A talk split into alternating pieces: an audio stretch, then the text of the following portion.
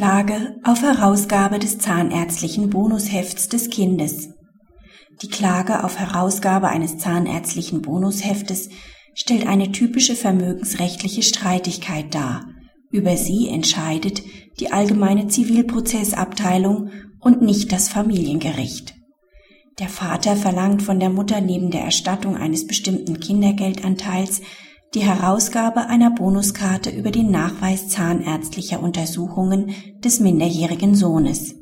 Das Verfahren wird an das Familiengericht abgegeben. Dieses weist die Klage durch Urteil ab. Der Vater legt dagegen Beschwerde ein, da nach seiner Ansicht ein FGG-Verfahren gegeben ist.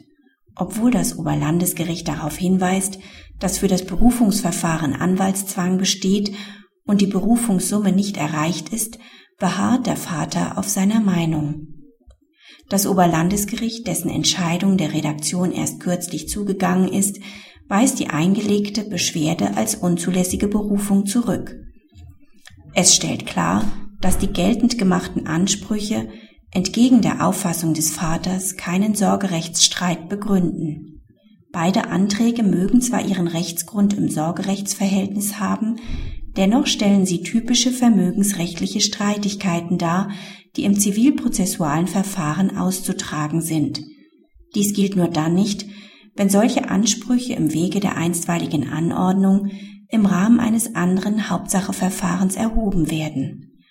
Eine dieser Zuständigkeitskonzentration für den einstweiligen Rechtsschutz vergleichbare Regelung fehlt für das Hauptsacheverfahren.